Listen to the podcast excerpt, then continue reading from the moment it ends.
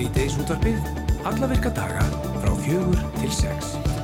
Já, hér með byrja ballið og það er Andri Freyr Viðarsson og Rúnar Róbertsson sem ætla að vera hérna með ykkur í dag til klukkan 6. Held ég í gær byrti Bubi Mortens fæslu á Facebook sem hófst á þessum orðum.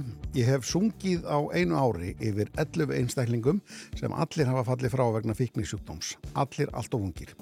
Það geysar ópjóðafaraður hér á landi og það er algjör þögn hjá yfirvöldum og e, þetta saði Bubbi á Facebook í gær. Í síðustu viku var skrifu greina á mannlíf.is sem var yfirskriftina lífsættilegu sjúkdómanir sem engi vill ræða var það rátt við fiknisjúkdómin. E, við í síðdegisúndarpinu veltu því fyrir okkur hvernig hægt sé að ná til unga fólksins eru efnin harðar en þau voru fyrir til dæmis 5 mánu síðan eru úrraðin okkar ekki að virka. Úlfur Einarsson fórstöðum að stöðla kemur til okkur eftir og fer nánar yfir málið. Sumarið er komið og það var staðfest með dagatalinu þegar sumardagurinn fyrsti rann upp á fymtudagin var og hverju voru hafa sníklar og samgöngustofa haldi svo kallaðan vorfund þar sem að farið er yfir helstu öryggisatriði sem að viðfjölamenn þurfa að hafa í huga fyrir komandi mánuði og einnir er farið yfir slissa tölfræði og ja, fleiri skildmál er varðar öryggi okkar fólks. Eh, slíkur fundur var haldinn á sumundaginn fyrsta og það hefur eh, já, einnig verið venni að einhverjir eða einhver eh, bifhjólamannana í samtökunum segi frá því sem að fyrir auðu þeirra hafa borið já, innanlands sem undan, utan. Það er Jokka G. Byrnudóttir meðstjórnandi í stjórn Sníklana og formaðurinn Þorgir Hottó Guðmundsdóttir það er alltaf komað til ykkur í dag. Eins og kurant er í frettum þá strandaði flutningarskipið Wilson Skó við, við Ennishöfða í Húnaflóa og er nú unnið að því að tæma það svo sé að draga það í fyrstu til Holmaveikur og síðan vantilega til Akureyrar í viðgerð. Valskipið Freyja er nú viðskipið og vinnir í því að losa það við saltfarminn til þess að leta það. Eh, við ringjum beint í brúna á Freyju og tölum við Einar Valsson skipera. Þú varst nú eitthvað að kanna þetta mál í dag Rúnar, þá rastu þarna á annan dall sem að með nafnið Wilson sem búin að vera til Bölvaðar af andra? Já, það er eitthvað annar Vilsson einhvað, ég mann ekki eftir eh, sko setnarnafni honum, það var svona tvönöfn líka sem að eh, strandaði Ólasvík Já. í síðustu viku, þar síðustu viku, hvernig það var Já. það var svona honum var hleyft ánfram eftir skoðun Já Það kennur okkur það að skýra bátan okkur ekki Vilsson. en vegfarandur um nýju ringbröðuna í Reykjavík hafa tekið eftir að framkvæmdir eru hafnar í þessum sívinsalega gardi höfuborgarbúa. En hvað er verið að gera þarna og verður garðurinn lokaður í sumar vegna þessa? Við vitum að hönnunin á breytingum var gerð í samfunnu við ja, viðburða teimi borgarinnar sem hefur mikla reynslu á skipulagningu uh, viðburða í, í miðborginni og þekkir því þarfinnar vel. Við ætlum að ringja í Björgu Jónsdóttur sem að er yfir við viðbráðdeild Reykjavíkuborgar. Já, spyrum hann á nánorti þetta. Erlendur Eiríksson og Fjóla Einarstóttir hafa lengi dreyndum að framleiða vegaноsta á Íslandi. E, nú má segja að draumurinn hafi ræst því að þau eru komið starfsleifi sem er það fyrsta sem veitið verið hér á landi til grænkjara ostagerðar. Framlegsla er hafin í hveragerði undir merkjum live food og næsta skrifar að koma á svo markað. Erlendur Eiríksson verður á línunni ákveð dag. Ungmennafélag eh, Rappkjáls Freyskoða í Breiðdal kefti um helgina í Íslandsmóti barna og úlinga í karate. Þetta er í fyrsta sinn sem að yðgöndu félagsins keppa á landsvísu en karate hefur verið yðgað hjá félaginni í um tvö ár. Marja Helga Guðmustóttir, karate þjálfari hjá Rappkjáli Freyskoða sem einnig er jarfræðingur og þýðandi. Hún er á linni okkur. Sæla blessuð. Góðan að blessa. Og til hafmyggjum með að eh, já, vera búin að koma óminnafélagi Rafkjells eh, freiskoða í, í keppni. Bara takk fyrir það. Hvað er meira, hvað segir þau?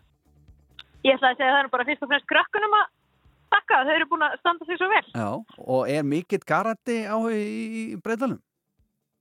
Já, það er mikill áhug og það er bara virkilega gaman að fá að koma með eitthvað svona nýtt inn í íþróttastarfi, þau eru búin að æfa ímislegt áður badminton og eru líka í körfubólta og, og voru í frjálsum á tjábili og svona, en kati er eitthvað alveg nýtt, Já. þannig að það er mikill af því. Og hvað veldur? Eru krakkarnir likjandi við þáttum eins og Cobra Kai alla daga það? Það spillir öruglega ekkert fyrir, en ég held að það sé aðalega bara mismunandi íþróttir eiga misvelur fólk og það er alltaf gaman þegar það er það er úrval og hægt að prófa eitthvað nýtt og sjá hvort það henda manni. Já, er, hver er ytkandafjöldin? Er þið mörg? Þetta eru 16 krakkar sem eru að æfa núna, frá 5 ára og upp í 13 og uh, það er bara, það eru cirka 40 börn í grunnskólanum, þannig að það Já. gefur svona kannski einhverja hugmyndum um áhugan. Já, mikið lági, já. En hvað, e, e, það er ekki mörg uh, íþróttafélag þarna á, á þessum uh, fjórðingi sem að bjóða upp á kardæmingar eða hvað? Nei, það er karatistarf á eskifyrði fyrir fullorna en uh, þessu utan það styrjun að fara allarlega akkurir til þess að komast í karatisfélag. Já. En af hverju völdu þið nafnið eh, Ungminnafélag Hrafkjáls Freyskoða á í einu nýjasta íþróttafélagi landsins? Þetta er hljóma svolítið eins og það sé bara eitt fyrsta félagi sem var stopnaði. Sko, ungmennafélagið Hrafkjell Freyskoði er miklu, miklu eldra heldur en tvekjar okkur við karatitil. Það var stopnað árið 1937 Já, og ég get alls ekki svarað fyrir, fyrir nafngistina en Hrafkjell Freyskoði er náttúrulega ein af höfuðpersonum Íslandíkasagnana og, og sögus við Hrafkjellsögu Freyskoði er á Östurlandi. Mhm, Þannig að það hefur öruglega ráðið miklu um nafngistina. Já, hann var ekkit í karat, eða? Ekki svo ég viti til, en kannski var hann karatimaður í anda. Já, já, bara engin vita hvað það var. Pottið líka stokkja hæsina í fullum herrklæðum allt það sko. Já, ekki oft, gera miklu oft. Já, já, já, já. Það er, það er á, það er á prófunum til svartafælti. Heldur betur. En hvað segir ykkur, Marja, hvað, hvað er svo að döfinni hjá uh, Ungminnafélagi Hrafkjáls Freyskoða?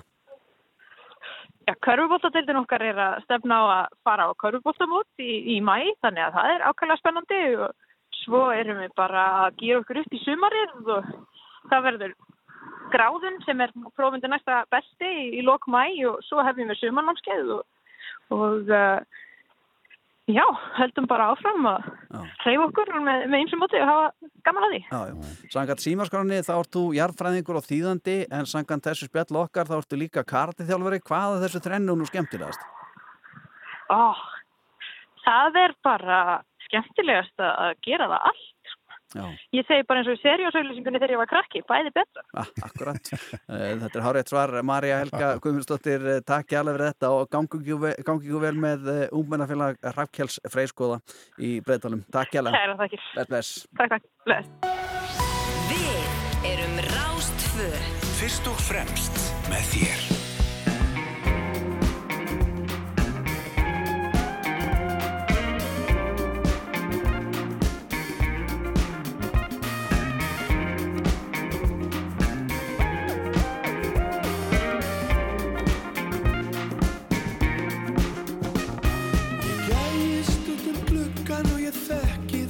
þau get þekki Parísar borg Nýra götu rauður dreyil fullt af lögum múur sem góð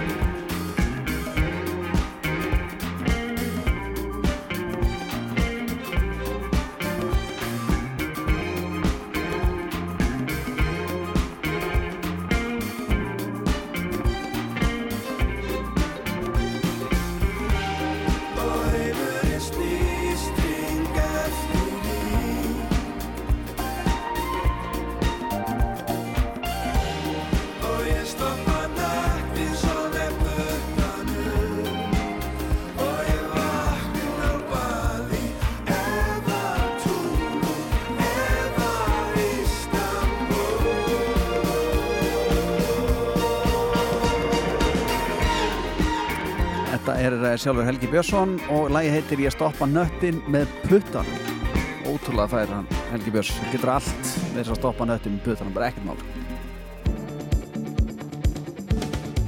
að fara yfir í annað. Þú ætlum að forrættast að þessum stöðuna í Húnaflóa en flutningarskipi Wilson Sko það strandaði við Ennishöfða þar núna dögunum og það er unnið að því að tæma það svo, þetta, svo setja að draga það í æ, fyrstu til Holm og Egur og síðan vantilega til Akureyrar í viðgerð eftir hvað eigundur allir gera svo sem en, en varskipi Freyja nú við, við skipið og eh, er eh, að vinna í því að losa farmin sem er salt eh, með annars Eh, og við erum komin í sambandið brúna á Freyju, Einar Valsson skipera, góðan daginn. Já, góðan daginn. Þið eru bara bundið fasti við skipið eða hvað, eða bara hann á við lið og er, að- er að losa, eða hver er staðan hjá okkur núna? Hvað er að gera?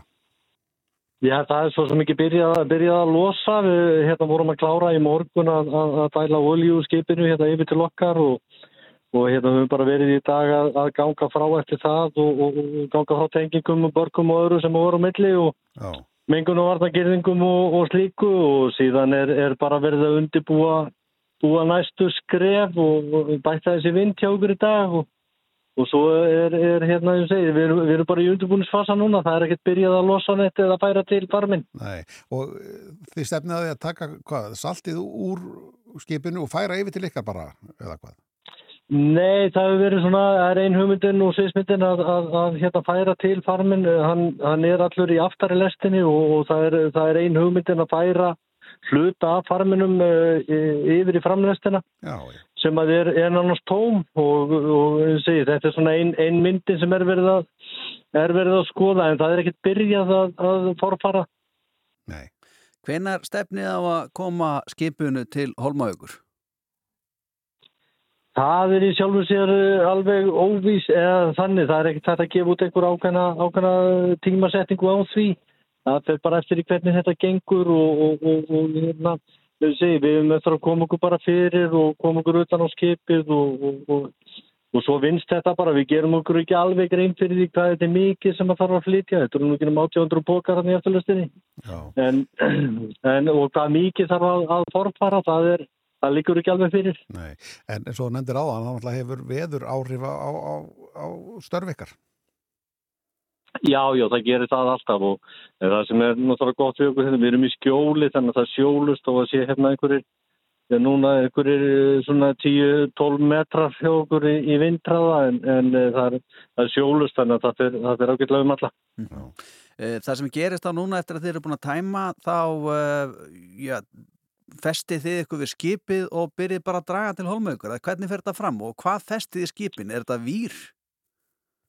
Nei, við erum skipið, eh, það er taug á milli skipana ennþá sem er búið að vera alveg frá því að það losnaði af strandstað og, og við höfum haldið þessari tengingu á milli skipana og fyrst, fyrsti, það er tó sem er, er fyrst á milli, ofurtó og síðan er sem er tengt við dráttavýr og, og sem að þessi er lengt dýpar eftir þörfum þegar verið er að draga. Já, en, en uh, ef það er búið að draga það flott og, og, og, áhöfnin er um borð og ekkit væstir um neitt, er hversun er verið að fara að draga það? Er það getur ekki gengið fyrir eiga vélarafli? Er það bara alveg vonlust? Já, það getur ekki gengið fyrir veginn velarafli. Það er, er skemmt í skrúinu og, og, og sennilega stýrin líka. Þannig að þegar það skall niður á, skerinu þegar það losnaði af því, Mm. þá er, eh, þá er skemmt í skrúinu þannig að það er, það er ekki, siglir ekki fyrir veginn velarafli. Eh, Munu þið draga það svo allaleg til Holmaugur eða er eitthvað sem að taka við? Eh, Það er eh, alveg, alveg óvist bara hvernig, hvernig þau mál líkta. Við, við erum svo sem bara hérna bara fyrir utan Hólmavík, þannig að, að hérna, þetta fer í sjálfu sér næstu skref þar á eftir því hvernig þetta gengur með þessa tilfæslu á farminum og, og hvað þetta tekur langa tíma og, og vonandi þurfum við svo að bræðast við einhverjum öðrum, öðrum atvikum á, á meðan. Nei, eh, ég heyrði það því að Freyja var betur til fallin að nota í þetta verkefni heldur en var skipið Þór, hvernig stendur á því? Já, það er kannski, skipið er, er náttúrulega öðruvísi útbúið. Uh, Þetta er skipið náttúrulega hannað fyrir, fyrir kannski önnu verkefni heldur en, en landiðiskestu í upphafi og, og er mjög vel búið útbúnaði. Við erum með uh, meira af krönum og, færalugum kronum og annað sem að hjálpa til við svona vinnu þannig að, að, að skip er, er og búna þess svona heppilugu kannski í svona vinnu. Já, og er þetta gott sjóskip? Já, mjög. Þetta reynst okkur alveg geysilega vel þetta skip og, og fer, fer vel með okkur. Já. Hva, hvað eru margir um, um borð hjá þér? Það eru átjáni á höfn. Átjáni á höfn, já, já, já. Og menn út, lengi út í einu, eh, svona all, allir jöfnu? Já, ég vil eitthvað þetta þryggja veikna túrar og, og hérna og síðan svona, já, þrjáru vikur á sjó og þrjáru vikur í landi og, og, og hluta því þarf að vinnast líka en, en, en uh, túrarnir svona yfir vetrasmánuðina eru yfirleitt þrjáru vikur. Mm -hmm. uh, ég og Rúnar er mikil mjög að pæli þessu hvernig við komum okkur á varskip, er þetta langt ferli? það er bara að sækja um og, og, og hérna og grossa putta og íta á það og hérna, minna á sig. Já, já Dásanlegt, já við vonum bara að þetta gangi allt saman vel meðan Wilson og uh, hann komist til Holmavíkur sem fyrst og, og svo náttúrulega bara aftur í, í sín störf. Einar Valsson, uh, skipstjóra á Freyju, takk kjallaði fyrir spjallið Hörðu, takk kærlega fyrir. Takk, takk fyrir þetta og uh, ég var einmitt að nefna hérna á hann, Andriða, því að við vorum að tala um Wilson Já. og hérna, þetta er Wilson sko, eins og var það Wilson, hvað var það, Foods, nei, hvað var það? Húk. Húk, Wilson Húk, Já. sem var strandaðið við Ólasík. Börla Wilson og Wilson. Wilsonin. Alveg agalegt með það. Eh, við ætlum að fara að skrá okkur uh, á námskeið þegar komast um borð hann í Varskip og hver veit um að hvernig sumari fer hjá okkur. Maður kann nú að sjóða kartum. Já, já, það er helling. I wanna break you down, you have to feel it and it's your decision. I wanna break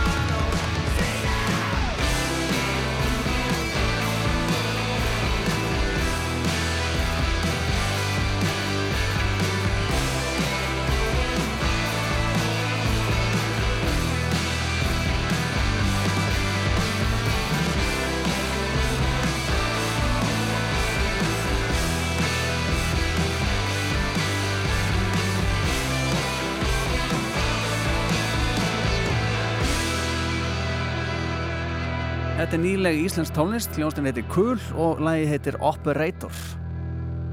Rástvö Veðurhorfur næsta sólaringin. Já, viður horfir á landinu næsta sólaringin þegar eh, þannig norðaustan 5-13 metrar á sekundu. Kvassast norðvestan til en mun hægari söðaustalands. Skíð og stöku skúrir eða jél austalands en annars bjart með köplum. Hiti víða 1-6 stig en þristir yfirleitt í nótt. Þristir yfirleitt í nótt, já ok. Talsvert frost í innsveiti norðaustan til. Já, hérna hér. Það er búið sér snjókoma á að funda einn, sko. Já, já. Norðan á norðaustan 3-10 metrar á sekund á morgun og stöku jélega skúrir austalands og með söður ströndinni en annars leðskíðað og svalara. Já, hvessir með jæljagangi norðalands á laugardag segir hérna líka. Næs. Næs. Þetta er, þetta er gaman að þessu. Já, það er ekki hægt að segja hana.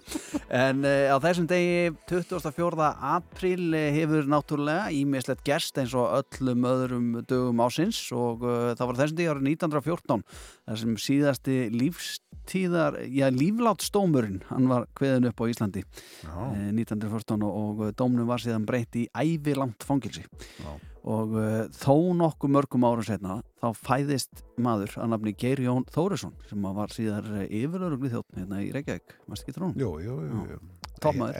B. Akkurat, akkurat. Og uh, svo erum fleiri amalspöldina því að Friðrik Karlsson, gítalegari Já, hann fæðist þessum degur 1960 og svo er það nú uh, sko, frettareitari síðtegisútansins í Brussel, sjálfur Björn Malmqvist hann á amal í dag og hann er, senna, já, hann er tróðandi í sig belgiskir vöflu já. mestu makinni með ykkur um almennsgarði horfanda stýttur sem er að pissa.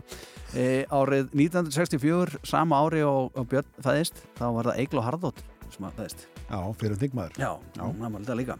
Svo er það Íþróttafélagi Grótta sem var stopnað út á Nesi á þessum degur 67 og meira af sportinu því að Jón Páll Sigmarsson hann seti tvö Evrópumet á þessum degi í liftingum og lifti 362,5 kílóum með réttstöðu og 940 kílóum samtals. Og svo var það nú annar afreiksmaðurinn e, árið 94 þá var það Magnús Skeving sem hann hafði öðru sæti í heimsmeistaramótun í Þolfimi sem haldið var í Japan, mannst eftir þessu? Ég manni þér Já, ég líka. Já, ég manni þér þess að Já, já. Já, Þetta var alltaf Maggi var sko svo mikil hetja sko. Svakalega. Hann kom mikið í skóla, grunnskóla. Við ætlum að fara að fjalla hérna um, um uh, ungu börnun okkar á eftir. Já, Hann kom og fór með arbegur í grunnskóla reyða já, svona hvetja fólk til að vera í líkarsrættinni. Já, já, við hefum bara aldrei séð hann aðeins sko. En uh, við hugsaum bara öll sátum á þetta gólun og störðum og hugsaum við, get, þetta getum við aldrei. Nei, en það var þetta náttúrulega íþrótta alvöru mættur á þetta. Já, fyrir áðurinn var Já, Áðurinn var álurinn En þetta eru svona staðarindir teindar deginum í dag. Uh, Við ætlum að fara að fjalla hérna um uh, já, sníklan á eftir já, já, maður sér það núna þegar að svo hækkar á lofti, já, það, það er búið að taka fram móturhjörnum og pússa það eins upp. Já, já, og bara öllum að þess að forutnastum starfið framöndin í sumar og uh, ræða þetta almennt bara við uh, meðlimi í sniglunum. Já, já, og það eru sko, það er Jokka G sem mætir hann til smástund og Þorger er Hotto. Já, Þannig að skulum fara að valega.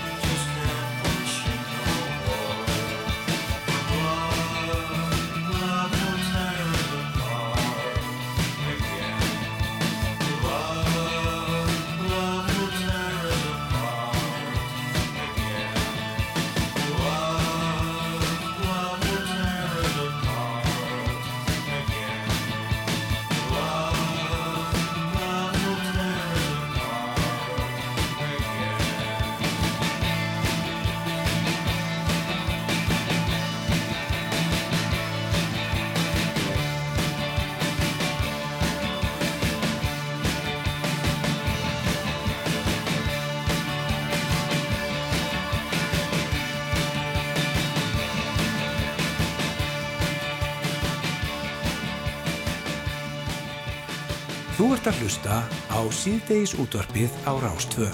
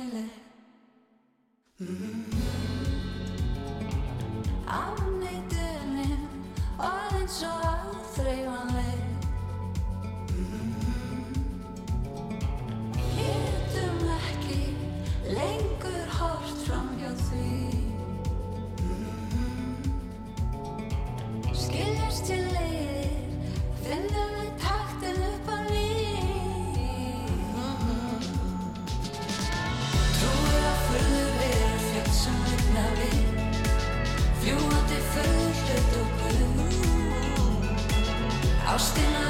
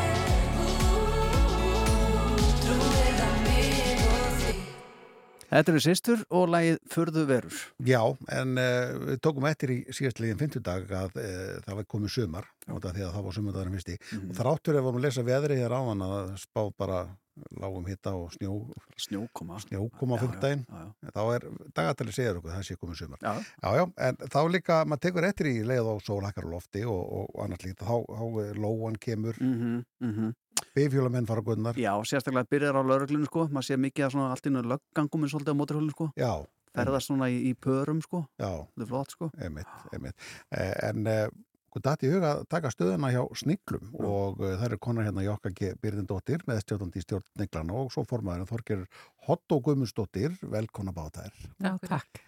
Hvernig er uh, starfsemi sniglana hátta núna? Hvað, er þetta mikið, mikil starfsemi í gangi?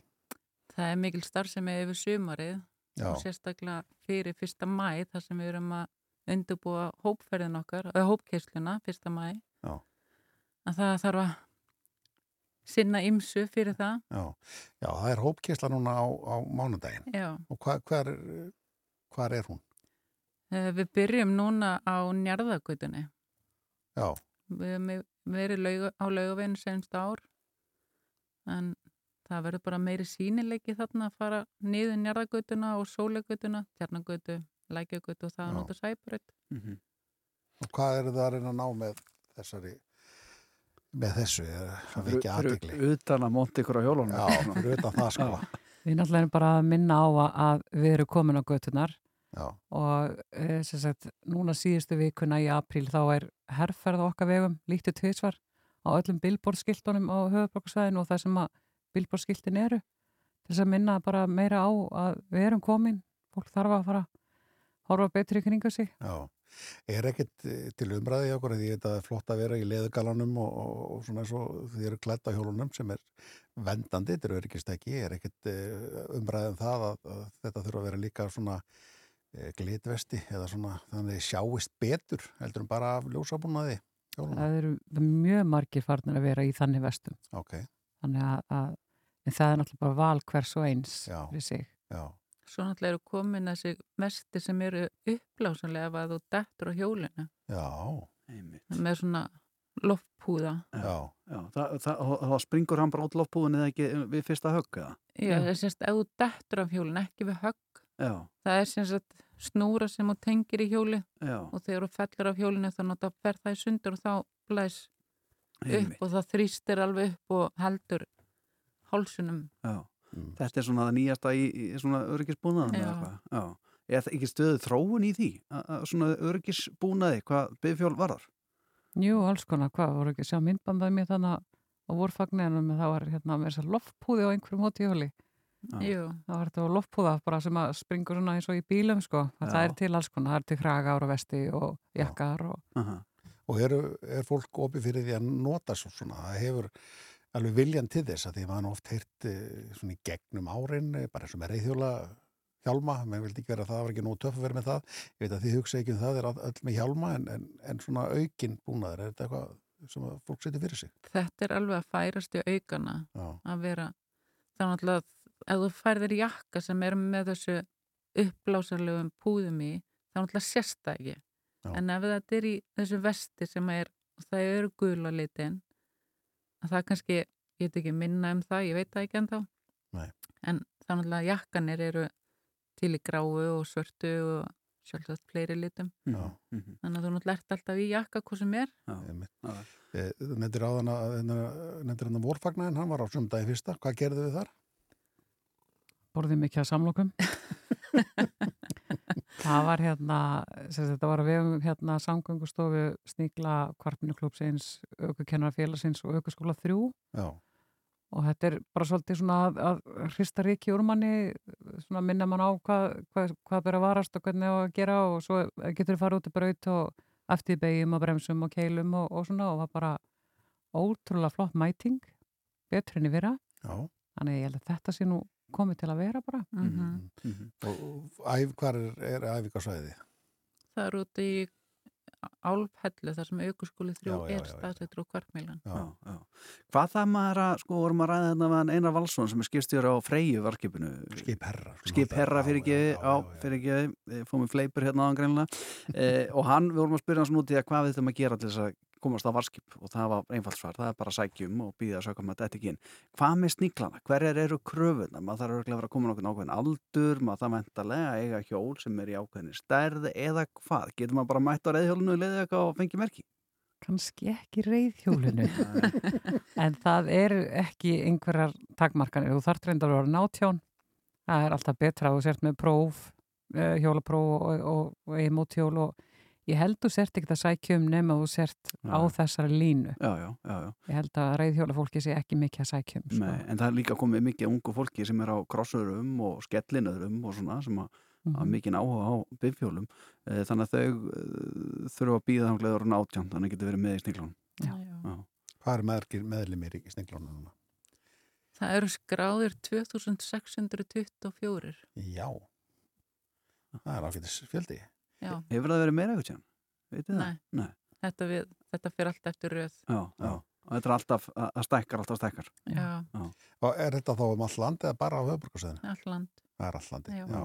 En hvað gerið þið að því að nú er vorfagnarinn sko, hann er nýbúinn og, og þið áttum mikið að samlokum og skoðuðu hjólinn ykkar og við höfum að plana hérna fyrsta mæ og svona en hvað gera sníklanir á vettnar? Það er svo sem það er ofsalega misjamt sumir eru að bóna hjólinn og aðrir eru að gera upp hjól og Mhm. sumir pakka þessu bara inn í skúr og líti ekki á þetta aftur fyrir ennum vorið og Já. þetta bara er jafn misjamt og mennir eru margir sko. já. Svo erum við með opið félagsheimilið okkar einsinni í mánuði yfir veturinn. En yfir sumarið erum við með opið einsinni í viku. Já, einmitt. Og fólk tuglegt að mæta ánga. Já, það er reynda bara svona misjátt. Já. En í sumar, það, þið verið með eh, einhver, einhver námskeið og eitthvað í gangi, ég vil ekki segja eitthvað, okkur eitthvað frá því. Nei. Námskeið? Eh, Nei, ég er svona þjál- þjálfun. Við erum alltaf að reyna að koma okkur inn í að gengi hérna, ég og Rúna, gengi Ég- við neitt. Vi- Við erum ekki með námskeið sjálf en ég veit Nei. að kvartmílan verður með einhvers konar námskeið fyrir, Fyrir bífélagmenn. já, Já, bífélagfólk. Ég veit Já. að var eiginlega það sem ég var að koma. koma. En segið okkur eitt hérna svona rétt í lokina því að uh, nú eru þið með svona einhvers konar uh, viðunefni ég meina það, það er hérna Jokka G. Byrnudóttir og svo er það Þorgerur Hottó Hvað er þetta? Er þetta sérvalið? eða Tengist þetta hjólunum á okkur nátt? Það tengist ekki hjólun hjá mér á neitt nátt. Ég er búin að vera með þetta gælina Já. síðan ég var bara tveikjara þannig að Já, það fer vel á hjóli allavega Já. Já. Og er það sama? Það er sem er, ég er búin að með genlab sín í fjórðabækki grunnskóla sko. Ok, ég er búin að pæla í sér allan dag, ég er búin að hugsa mér að kannski flottara svona nafn á vesti sko, ég veit ekki, geti verið sko hot og jokk og svona flottara kannski, en nei, nei, þá var þetta bara eitthvað frá, frá, frá æsku. Já. Gott og vel, eh, við segjum bara, það verður gaman að sjá okkur fyrsta mæ og þið byrðið á njarðagötinu eða ekki Jú. og svo færið ykkur á sæmbrettinu og, og, og svo ættið bara að vera sínilega á göttunum.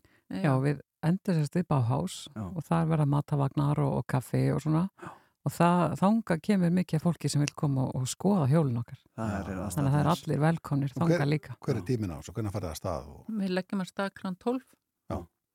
Við byrjum að sapnast saman kl. 10 nýra nýragötu. Já, ég veit. Gekki. Já, og bara fara að horfa á þetta og taka með sér erðnandapana ef maður vil passa á sér hernina. Maður hefur setið staðið við svona og það er smá háað í þessu.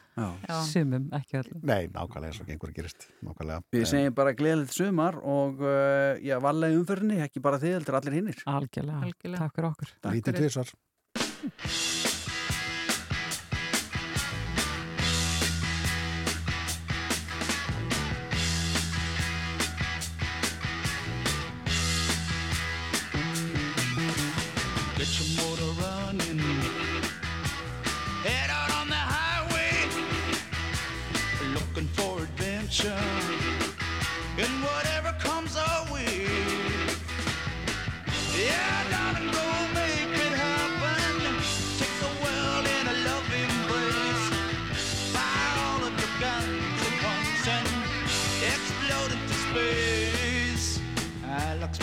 Lightning. Heavy metal thunder Racing with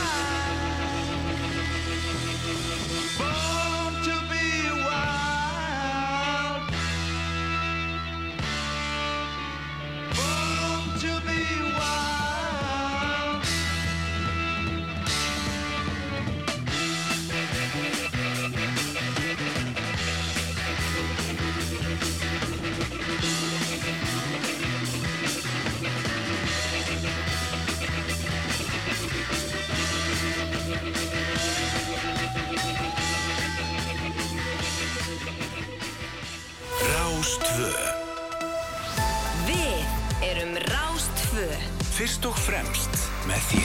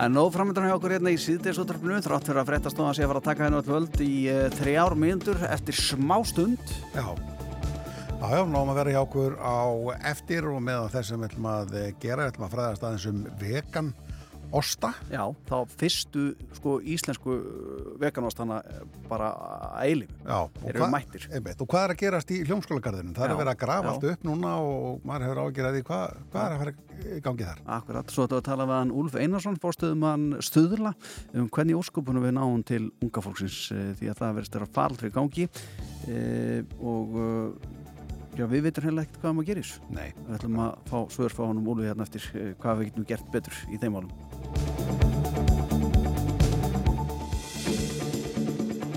ert að hlusta á síðdeis útvarpið. Á Rástvö Já, áframhöldu hérna með síðdeis útarbið og það er tölvöld búið að bera því á samfélagsmiðlum að eh, já, fólk er að skrifa um faraldur og fíkni sjúkdóma. Það er ópjóða faraldur í gangi hérna á landinu sem að eh, ætti ekki að vera fram hjá neinum en svo er líka verið að skrifa um þetta í sumum netmiðlunum og annars líkt og Bubi Mortens hann setti fæslu á Facebook í gæð sem að hósta þessum orðum. Ég hef sungið í, á einu ári eh, yfir 11 einstaklingum sem allir hafa fallið frá vegna fíkni sjúdóms. Allir eh, allt og ungir og það geysar ópíðafaraldur hér á landi og það er algjör þögn hjá yfirvöldum. Þetta sagði Puppi og svo er maður búin að sjá fleiri fréttir bara dettin í dag af einhverjum tölum á fráföllum tengdum uh, ópíðaneslum og svo er maður líka búin að heyra hreikalega fréttir af það sem er að blanda saman alls konar fíknefnum í, í pilluformi og uh, fólk Já. veit ekkert hvað er með höndunum. Nei, ná er að setja fentanil Já. í uh, Já. Annars konar fíknar, já, Já, maður skilur þetta ekki. Nei, maður skilur þetta ekki. Úlfur uh, Einarsson, fórstöðum að stuðla, hann er komin inga til okkar og við erum svona veltaði fyrir okkur eh, hvernig hægt er að ná til unga fólksins og hvort úrræðin okkar hér á landi séu einfaldan og góð. Sælublesaður, velkomin. Já, þess, vel, takk fyrir að fá mig. Eh, Hvað segir þú okkur um þetta, Úlfur? Þú vantar orðið var við þessu umræðu. Jú, en ég verð nú að segja að ég verð ekki jafn var við faraldurinn sjálfan Nei. og þessar lýsingar á samfélagsmiðum. En auðvitað er ég líka með svona aðmarkaðan hóp að mér á stöðlum. En ég heyri þessi orð, fentaníl, opíóar og slíkt. En ég verð ekki var við marga sem er í dagneslu á þessum liðum, lifjum. Mhm. En þetta eru allt krakkar undir 18 ára aldri og maður er svo sem ungur lengur en það. Já, Já, já, það er kannski ekki, þessi hópin sem þú ert að vinna með er kannski ekki komið hvað? Já, vonandi ekki. Ég ætla allavega að vona það að krakkar í svona neðslu komin á stöðla. Já. Því að ég segi bara fyrir mig, maður sér fáránlega háar tölur um að fjöldi manns hafi dáið á skömmum tímbili og, og ég þekki engjan, engan að þessum krökkum. Nei. Hvað eru gamlir krakkar á stöðlum? Hva, hvað aldur? Þetta er upp í 18 ár. Já. Unglingar sem 12 til 18 ára en, en massin er svona 15 pluss. Já. Og þá fer maður að huga mæntalega forvörnum fyrir þannig hóp svo þau fara nú ekki á þessa braut. Hvað er til ráða til dæmis bara fyrir fólk uh, sem er með unling á heimilinu og hefur ágjörð því að við komum til fari á þessa slæmi braut? Hvernig, hvernig á fólk að, haga sér til þess að koma yfir efrið? Sko, við byggum hér á Íslandi til ágættis mótel fyrir svona um eða upp úr aldamótum að börnin okkar allt tómstundastarf er meira að minna leitt af hæfu mentuðu fólki. Og það er leiðin að mínum að halda kröpkum sem lengst inn í þannig starfi. Að þau hafi áhuga á íþróttum eða tónlistaskólanir félagsmiðstöðanar og krakkar í vandræðum að þau sem ekki að vísa þeim úr þessum stopnunum okkar þegar þau lenda í, í þeir eru fara að sína áættöðun Mm -hmm. eins og því miður maður hefur stundum orðið vitnað ég segja það Já. það er ekkit endilega vinsælt að hafa börn í neyslu inn í, í félagsmyndstöð þegar það er kannski akkurat sem þau þyrti á að halda að vera í kringum jafningja í, í stýrðum aðstæðum Mhm. en ekki einhvers það er einhverju greni í neyslu Já. Sko, myndast á Bubba Mortins hérna í, í upphæði spjallins og hann, eh, já mamma hann eftir honum koma í, í skóla og, og vera með uh, fyrirlestur og segja krokkum uh, frá hættum lífsins og, og hvað ætti að vara það svona. Og maður veldi yfir sér, af hverju er ekki herra netusmjör að hlaupa á milli hérna mentarskólana eða grunnskólana og segja sögur? Eh, eða einhverjur aðrir svona þekktir einstaklingar sem að eru í hávegum hæður hjá unga fólkinu. Eh, virkar það ekki það? Í stuttumáli sagt nei og það getur jafnvel bara verið skadalegt þetta er- þarna er verið að upphefja mjög alvarlega áhættuhöfðun óæskilan lífstíl. Þannig að sjáum við frækt og fólk í mjög eftirsóknarveri stöðu sem hefur komist ánga þráttir að glimt við mjög alvarlegan vanda. Og ég fyrir, segi fyrir mínaparta, ég vil ekki að börnin mín feti þá, þá braut í átt að því að verða eins og er að netsmjör eða, eða bubbi. Mhm.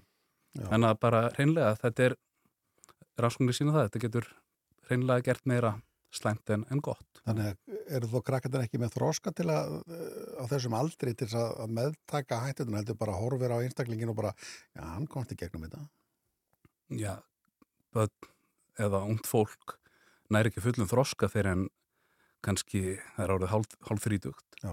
Einmitt, við, heyrum ekki og var nú minn yfirmaður var hér í, í morgunútarpinu morgun og talaði um framheilan og hann er ekki full þroskar fyrir hann í kringum 25 ára aldur. Mhm.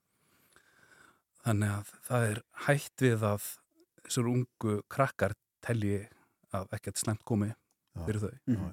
og sjá ekki áhættuna Nei, þinn hópur, uh, hópurinn sem kemur uh, til stöðla upp í áttinar aldur, þú náttúrulega hefur heyrt af þessum efnum sem að krakkarnir eru að fykta með og, nota og svona. Uh, hva, hvað finnst þér? Eru efnin orðin harðari en þau voru að nota fyrir til dæmis fimm árum síðan? Og er þetta alltaf að verða harðar og harðar? Nei, Nei. ekki að segja það, eru svona það eru sveiflur uh, núna heyrum við mikið af ópjóðum og þeir eru greina það virðist vera mjög mikið frambóða þeim. Og þetta er eitthvað sem er til í partíum og slíkt, auðvelt að nálgast þetta. Uh, á sama tíma eru lang flestir í kannabisinu. Kannabisið er lang algengasta vímefnið sem krakkarnir á stöðlum neyta og ég er hrættur við normaliseringu kannabisneislu ég get alveg sagt það. Uh, til dæmis sem tengist öllu tali um, um lögleifingu þessar efna. Ekki það að ég sé, sé á þeirri skoðun að það beri að banna allt og, og refsa fólki fyrir kannabisneislu heldur frekar það að bara umræðan sjálf gefur það til kynna að það sé ekki svo skadlegt efni. Við leifum okkur ekki að tala um það að áfengið sé skadlust efni þó að það sé leift en við förum ekki almennlega í umræðin um skaðsemi kannabisreikninga. Það er kannski, og líka sérstaklega skaðsem, skað, mikil skaðsemi gagvart ungu fólki sem er ekki nú þróskað, heilin og annað slíkt. Akkurat, þá erum við aftur með þess að 25 ára línu. Já. Það er bara því setna sem þú byrjar á þessari neslu því, því betra fyrir þig. Mhm. Að þetta hafi ekki áhrif á þau meðan heilin er að þróskast. Já. Hvað segir þú okkur, Úlfur, þú náttúrulega þekkir þetta betur en við úrræði og annars líkt fyrir ungt fólk hér á landi. Eru þau nógu góð og, og ef ekki, hvernig mætti uh, gera betur þar? Við mögum að sjálfsögðu bæta okkar meðferðarúræði ef þú ert að tala um þau. Mhm. uh, ég, sko meðferðarúræði á Íslandi eru all flest rekin af félagsamtökum. Hvort sem þau heita S.A.V. eða eða hvað, Krísuvík, Laggerðarkot uh, og svo sem er Rauðkrossin líka með úræði í hérna, frú Ragnæði þó að það sé ekki hérna, meðferðarúræði, þá er það tengist þessum. Mhm. uh, en ríkið rekur meðferðarúræði fyrir ungmenni semt stula en við erum það vantar sérhæfingu í málaflokkin á stöðlum er pláss fyrir sex börn hverju sinni á meðferða heimilum tveimur sem eru rekin út á landi eru pláss fyrir um, um tíu börn en við erum að tala um ykkur 15 börn hverju sinni sem geta verið meðferð í Íslandi það verður svolítið til þess að allir fari gegnum sama prógram Mhm. sérhæfing byggist ekki upp sérfræði þekking sem er þannig að við erum svolítið að vinna með að steipa öllum í sama móti í okkar, okkar nálgun. Já. Eh, sko, áður nú kemur ykkar til okkar, eh, þetta er nú kannski ekki tengt eh, neyslubeint, en þetta er tengt unga fólkin okkar. Áður nú kemur til okkar, þá eh, varst þú að setja fund um svona einangrun inn á stöðlum eh, í ljósi eh, liðina atbyrða. Hvað getur þú sagt okkur um það? Hvernig, hvernig gekk þetta fyrir sig og, og mun þetta takast og er þetta ásættanlegt? Sko, ég ætla nú aðeins að leiða þetta núna. Já. Þetta er bara síðustu dagar verið spínu undir lagðir í Já. Einangrun á stöðlum. Já. Við á stöðlum uh, við tökum að okkur að vista börn í gæstuvaraldi og Þetta er, ekki, þetta er ekki fyrsta skipt sem gerir það. Nei, þetta gerist svona og tæplega ásfresti að jafnaði allavega síðan hérna, barnasáttmáli saminu þjóðan var lögfæstur hérna, fyrir, fyrir um tíu árum síðan Mhm. uh, það er svona nú er oft hugtaka örglingur í gangi en börnin á stöðlum geta vissulega setið í gæsluvaraldi en gæsluvarhald er annars vegar einangrun og lausagæsla. Uh, einangrun er ekki svo auðveldi framkvæmt á stöðlum og húsnæðið er ekki hanna til þess. Það er í raunin ekki raunverulegur hefur ekki verið raunverulegur vilji hjá ríkisvaldunum útbúa sérhæftum einangrunar rými fyrir fyrir unglinga. En við gerðum þetta um helgina við vorum með tvo krakka í einangrun og leistum það verkefni. En húsnæðið hjá okkur er þannig að við hefum ekki geta verið með fleiri einangrun. Nei. þó að það, við tökum við öllum en það er, er lögreglan og sagt ákjæruvaldið sem tekur ákvörðunum hver börnin eru vistuð. Og í þessu tilfelli voru, voru tvö störnum Sko, ef við höldum aðeins áfram að tala um ofbeldi, því að það hefur verið mikið í fréttum, alls konar svona ofbeldi sem að ungt fólk er að fremja og það er verið að taka þetta upp og það er verið að dreifa þessu á, á miðlum og annars líkt og ég og Rúna vorum að tala um þetta hérna fyrir dag, hvernig óskum að stæða á þess að þetta væri svona svakalega gróft og, og ljótt. Uh, hva, hver er ástæðan fyrir því að, að krakkar eru orðnir svona, já ekki orðnir kannski en, en eru svona að, að já, dreifa upptökum af ofbeldi og annað stíkt og er að fremja svona brot og og allir taka þátt allir, það er svo sem ekki nýtt en, en svona í þessum stíl ef- um þetta orðið komast, af hverju er það? Er þetta tengt allt bara samfélagsmiðlum sem að þau nota sjálf og er að skoða í sínum frítíma? eða? hefur ekki að segja þessi samfélagsmiðla séu ný byrtingamynda á gamlu vandamáli Vist, við vorum hérna, þú byrjar að tala um gamla daga Já. Ég minn ég meðan eftir því þegar skólafélagi mínir söfnuðist saman til þess að horfa á einhver starfsmál og jafnvel einhver að nokkri saman að berja einhvern og séðan hjálpar enginn til og Já. ég hef líka séð þetta eftir ég eld, varð eldri bara nýri bæ ég sé ekki að þetta sé eðlismunur Nei. á því að fylgjast með slagsmálum live eða að taka upp og dreifa á TikTok. Þetta eru sömu fýstnir sem liggja að baki á mínu viti. Já. En þetta er ógeðfælt, þetta fer náttúrulega miklu lengra og þetta gleymist ekki. Nei. Þetta verður alltaf til. Þetta getur nefnilega sko verið stæða tilbúin að nota bara sem dæmi, nýfa nota það ekki bara sem ógn heldur actually í sletti Já. nota það sko Já, þetta er mjög alvarleg þróun sem hefur átt sér stað hjá okkur síðustu ár Já. og við erum inn í sama þróun og átti sér stað kannski 5-7 árum á undan í, í Breitlandi var mikil umræðum hníf og ofbeldi í London sérstaklega Mm. fyrir kannski 10 árum síðan en það er alveg rétt við sjáum og ég átt þetta samtali við lögregluna líka það er bara annar hver maður með hníf sem er tekinn og jafnvel bara einhverjir ódýrir steikarnífa sem er bara fólkið með vasunum og, og tilbúið að beita. En það er líka einhvað nýtt. Svona, ég hef stundum á óbyrgum hætti kalla þetta krakkar séu tilbúinur að þú veist svona pota í næsta mann, kannski útlið með eitthvað slíkt.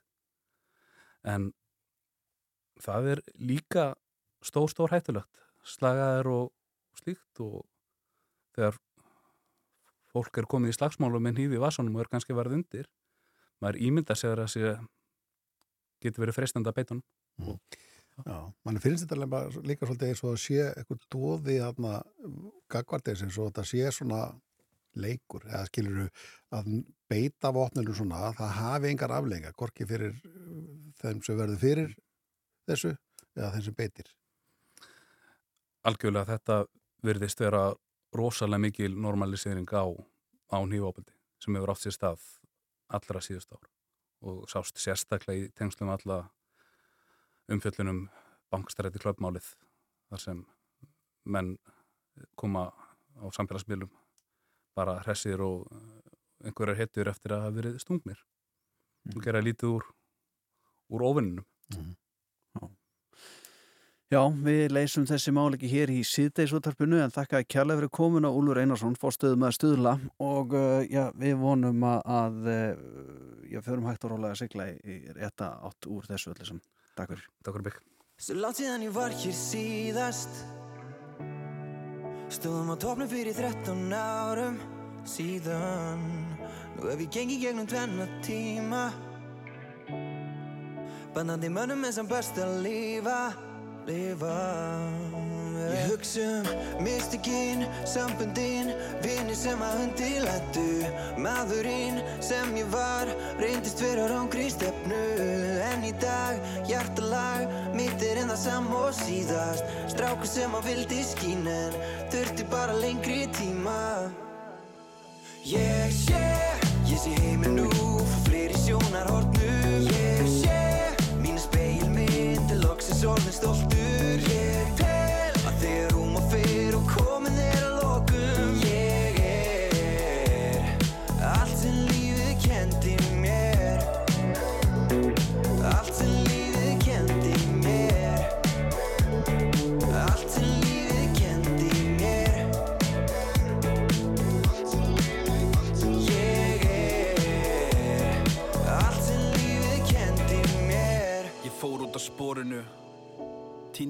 sannleika sagt Var fastur í fortíðinni Og ég tók flöskuna fram yfir allt. 13 ár, þúsund ár Allir hafa djöful að draga Allir hafa einhverja sögu Og mín byrjaði á komdu tilbaka En ég læri alltaf meira. Lífið stækkar, tíminn læknar. Sárin gróa, árin róa. Ég vil meira, ég vil heyra. En ég stopp ekki og ég hætti ekki. Alla trúa mig, ég er fljúandi Eins og fyrildi yfir heiminin Pappi sjáðu mig, litla strákið þinn. Ég sé, ég sé heiminn nú Fyrir fleiri sjónarhornu Ég sé, mína speilmynd Er loksins orðin stoltur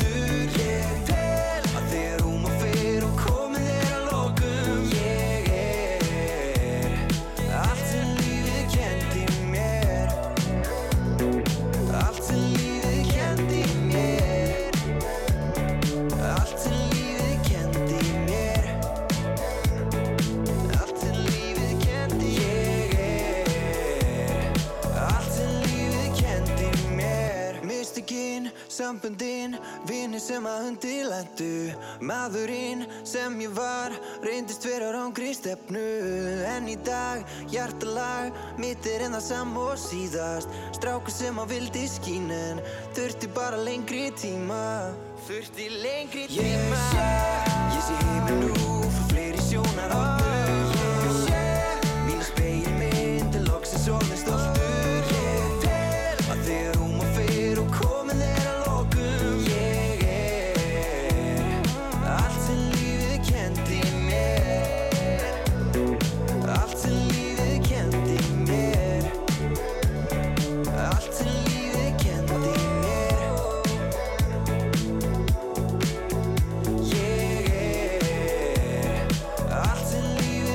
kendi mér.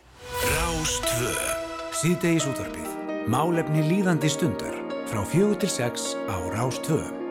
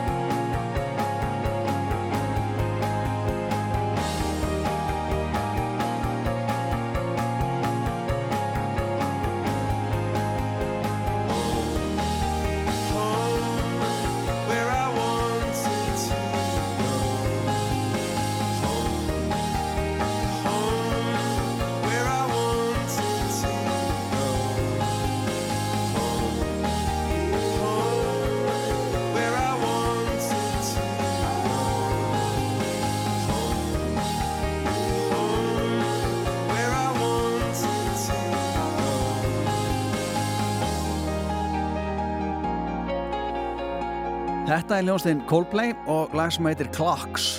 Og við erum að spila Clocks og skulum bara segja ykkur að klukkan er 26 nei, hún er 27 mítur akkurat yfir 5, akkurat þessum tulluhorðum en Ellendur Eiríksson og Fjóla Einarsdóttir uh, þetta, er, þetta er hjón sem hafa lengi dreymt um það að gera vegan osta eða grænkera osta. Já. Og þetta er hörkuferli náttúrulega eins og bara að maður býti mat og ætlar að koma svo markað þegar maður þarf að gera alls konar og skrifa undir pappira og, og ég veit ekki hvað og hvað. Þau eru komið leifi, þau eru byrjað að framlega ástana og næsta skref er að koma þessu á markað og þetta eru fyrstu íslensku vegan ostanir. Og við erum með eh, Erlend eh, Eiríksson á línunni. Sælablessaður Sæll og blessaður og báðið tveir. Hvað segir þið gott á þessum dýrðarinn stróttins degi? bara þokka leið en þú, hvað segir ekki? Hvað segir ostamæður? Ég er bara, bara cheese, eins og maður segir. Já, já, auðvitað, auðvitað Bara, það er bara rosalega gott, rosalega gott. Það er alltaf full swing hérna og maður er með, já, lekandi osta úr öllum göttum, eins og maður segir. Bara fulla af ást. frábær mynd sem út að setja hérna höfum okkur en uh, Erlendur, Já, sko þetta er uh, þið framleiðið, þið hjónin er að búa til ostana í hveragerð, ekki satt? Hver og paradísu, eins og við segjum. Já. Já. Og þetta þarf væntalega tæki og tól og, og, og, og pláss, eða hvað? Já, já, heldur betur. Það er ímislegt sem maður hefur tekið sér fyrir hendur og, og uh, maður heldur að maður geti allt en uh, eins og maður segir, bara googla þetta og svo bara keira á þetta. Jú, jú, þetta, við erum, við erum búin að reyna að gera þetta fyrir blóðsveit og tár eins mikið og við mögulega getum, af því að uh, eftir að við erum búin að selja ykkur lífærin til þess að eignast húsnæði hérna til þess að Já, geta haft aðgang að sjálfbæri orku, eins og maður segir, á besta stað uh, á landinu, eins og maður segir á, á, á, á, á þess að segja nokkuð slæmt með hína staðina. Nei, nei, Þá erum við búin að sapna að okkur alls konar tækjum og tólum og meðan við erum að, að koma okkur í gang og, og marta þessu við bara fengið að láni backbórum stíl eins og maður segir fengið í ruslinu og gert við og skiptum víra og fegið upp og, og uh, farið í gegnum mikið ferli og fengið nótu tæki og reynum að gera þetta allt sko. Með, með það fyrir augum líka að hafa sjálfbarni og, og nýta hlutina eins vel, mögulega vel og hægt er sko. Þetta fyrirtæki Lifefood uh, er fyrirtæki eitthvað sem er að búa til þess að osta og það er mikil pressa á okkur allendu því að það er oft sem maður tala við fólk og eða heyrir fólk segja uh, það væri ekkert mál fyrir mig að vera vegan ef osturinn væri betri. Nákvæmlega og ég, ég lendi sjálfur í því. Ég sérstaklega sko það sem að ég var yfirkokkur á steikhúsi en ákvað bara að vinda mínu hva- hvað ég grossi í staðin fyrir að fara á kólistur og lækandi lim og, og uh, vissi það að það er ímislegt að það breyta með, með lífstil og mataræði og, og uh, var ekki beint típan til þess að fara á Herbalife eða, eða, eða nýta mér of mikið að kortum í, í, í rættina, maður veit ekki hvað maður hefur keft mörg kortur og ekki nýtt þau en, ákvað að gera þetta í, í, gegnum mataræði og, og uh, það var ekkert mál eins og ég segi, þar sem að maður er maturismeistari og ef ég get ekki búið til góðan mat úr meðlætinu eins og þau segja, þá, þá var mann ekki góður kokkur. Uh, þannig að ég, ég þurfti bara að gera þetta, en það voru náttúrulega óstanir. Já. Það voru óstanir sem að hrættu mig mest, því að maður er óstafíkill, mikill og uh, það var svona aðalega, já, majónissið og, og smjörið og óstanir sem að maður kveið fyrir, en það var nú alveg, var mista málið að búa til majónissið og, og smjörið, en óstanir voru vandamál, þannig að maður þurfti bara að skella sér í ná til Þýskalands og og læra þetta bara og, og það sem að þeir voru að búa þetta til úr, úr uh, kassjúnetum og, og kóngosmjölk og kóngosólju og ég hugsaði bara að mér langar að gera þetta hérna á Íslandi sko en mér langar að gera þetta úr ráðöfni sem við erum með hérna sko. Og það er ekkert mikið að kassjúnetum og kóngosnetum hérna á Íslandi þannig að við höftum að leggja hausinn svolítið vel í bleiti og, og reyna að finna upp hjólið og slípa það til svolítið en, en uh, fann einhverja eða, uh, mörg hundru ára gamla aðferð sem að sem að það var sagt sko að þetta var alveg hægt að gera úr karteplum og, og við erum alltaf með eðal fallegt og gott ráefni hérna og, og uh, frábært hugvit í öllu sem við gerum að við, þó við séum nú ekki marg mönnuð hérna á þessu dásanlega landi okkar þá, þá uh, erum við mjög góð í því að margfald okkur Já. og gera alla hluti sjálf En hérna, ostar úr karteblum, hvernig bragðast þeir? Eins og ostar eða bragðast þeir eins og karteblur? Þetta eru óstaðar. Já. Það er málið sko og við, við erum að gera þetta eins heiðarlega og náttúrulega og við mögulega getum þannig að þetta, við erum að nýta okkur bara svona hefðbundna osta uh, aðferðir og gerla í því. Uh, en, uh, en í staðin fyrir að, að mjölka spennan á beljunni og mjölku við spennan á, á höfrónum bara með og búin til mjölkina, við þurfum að búa til mjölkina sjálf sko sem við notum líka í þetta. Já.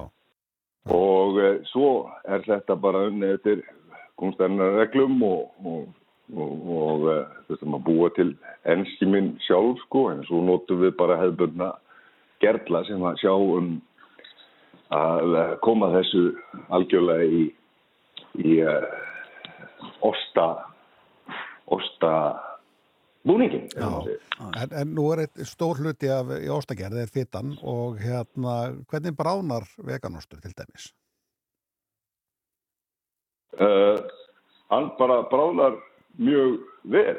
Og það er bara eins og við segjum það er, það, það er svona einu vandkvæðin eiginlega sem að við erum aðeins að glíma við hérna hjá okkur sko því að ég er að reyna að gera þetta allt úr innlendur áni eins mikið og mögulega hægt er. Þannig að það er ekki mikið að jurta, orsta framlu, nei, jurta olíu framleyslu hérna á Íslandi en, en við erum eitthvað byrjuð að gera repjuolíu og, og svo er náttúrulega yðnaðar hamburinn komin í, í gang og, og, alltaf er að setja meira í kortræk þannig að það verður- gaman að sjá hver framtíðin fyrir skauti sér. En, en eins, og, eins og staðan er í dag þá þurfum við að nota uh, kókasolíu á móti repjuolíu og, uh, og það er svona þetta er bara eins og maður segir, þetta er aðeins öðruvísi heldur en matræðsla því leiti að þetta er svona meiri, meiri efnafræði.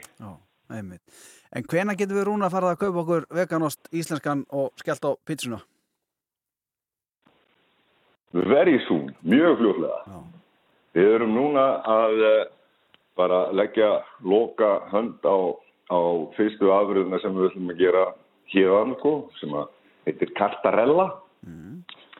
Sem að er í, í, í hérna til heiðurs uh, mozzarella til dæmis eins og uh, mozzarella sticks þannig að þetta eru Cartarella sticks sem að við erum að gera sko af því að uh, þar til að við, við náum góðu skriði og, og náum réttum tækjakosti sem að við erum að vinna hörðum höndum í sko þá, þá uh, gerum við þetta allt handgert hérna og, og byggum til umbúðina sjálf brótatilbu og því og, og merkimiðin er búin til sko bara úr, úr uh, endurunnu efni sem er grafin af uh, listamanni og leikara hérna í Guðragerði sem er með, er með uh, já, lögskóar handverk hans Steit Tór sem að sem að er það er margir búin að vera okkur innan handara að koma koma skútuna af stað eins og maður segir. Já, Þetta er mjög áhugaverðin að skora hérna vörulínuna hjá okkur með kartelbóstan og svo er þið með þessa mjúku osta líka, kammebert og bríosta sko.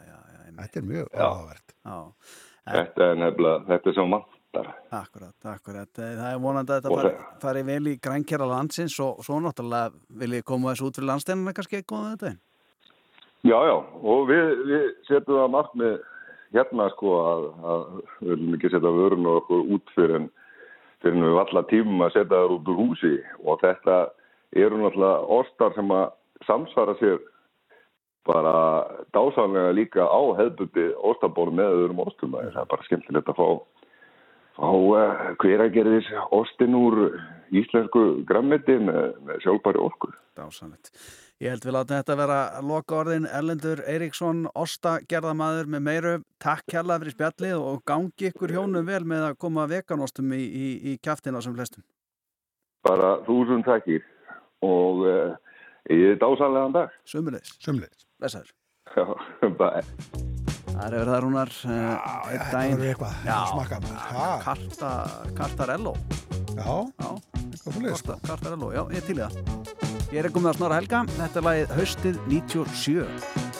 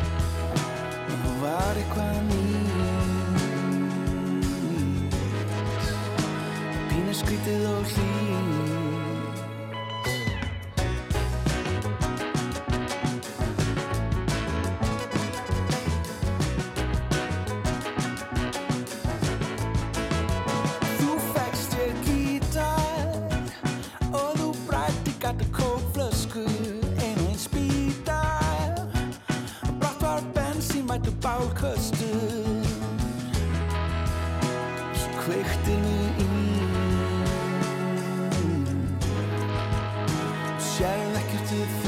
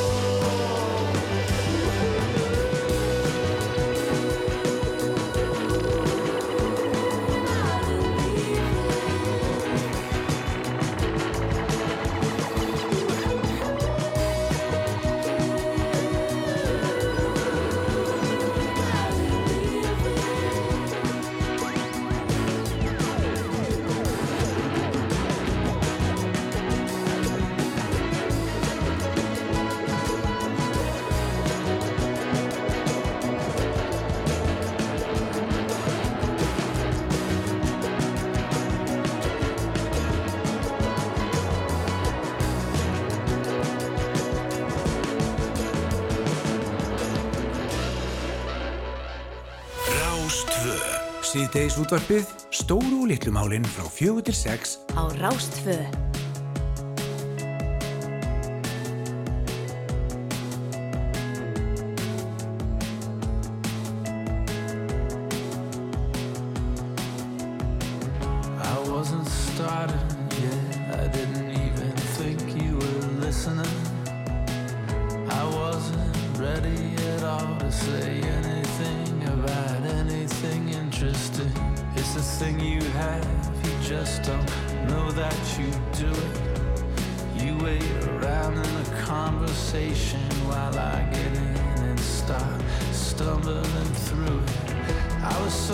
attracted.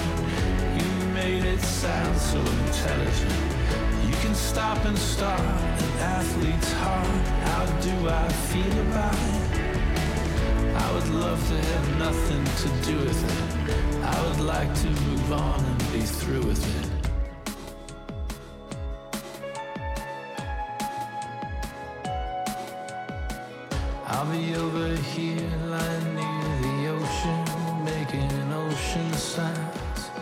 Let me know if you can come over and work the controls for a while. I was so distracted then, I didn't have it straight in my head. I didn't have my face on yet, or the role or the feel of where I was going with it all. I was suffering The tropic morning news was on. There's nothing stopping me now from saying all the painful parts out loud.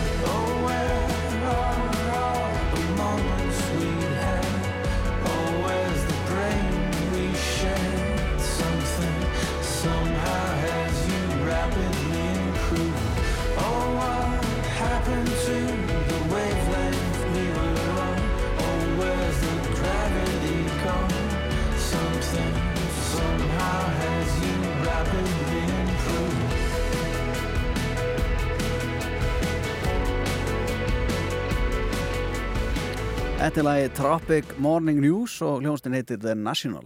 Já, eh, nú er margir á leiðinni heim í höfuborginni, eh, svona setni upp að sumferðin er mikil og eh, maður tekur eftir að maður keirir fram hjá, eh, að keirir nýja hringbrutina og það fara hann að fram hjá hljómskólagarðinu Já. og þar er eitthvað svakalega framkvæmdur konur í gang og er að grafa hann upp og, og, og annars líkt og okkur leik svona forvitna að vita hvað var í gangi þarna og eh, garðurinn mikið notaði sem fyrir viðburði á vegum borgarinnar. Þannig að við rýndum bara í yfirmann viðburðdeldar Reykjavík borgar, hún heiti Björg Jónsdóttir og er að lína í okkur, sælblessuð Já, sæl, sæl, sælir.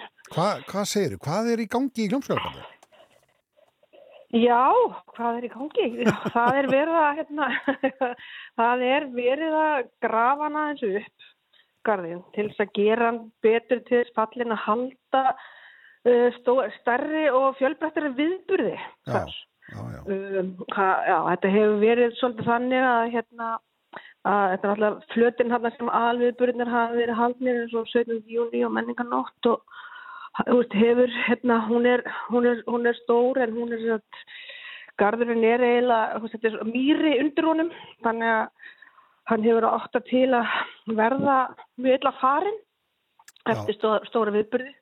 Þannig að núna er verið, og núna er verið svona, taka hann allan upp og drena hann og setja nýtt svona undirlag og svona svipa þessu bara eins og risastóran gerfugrasvelli.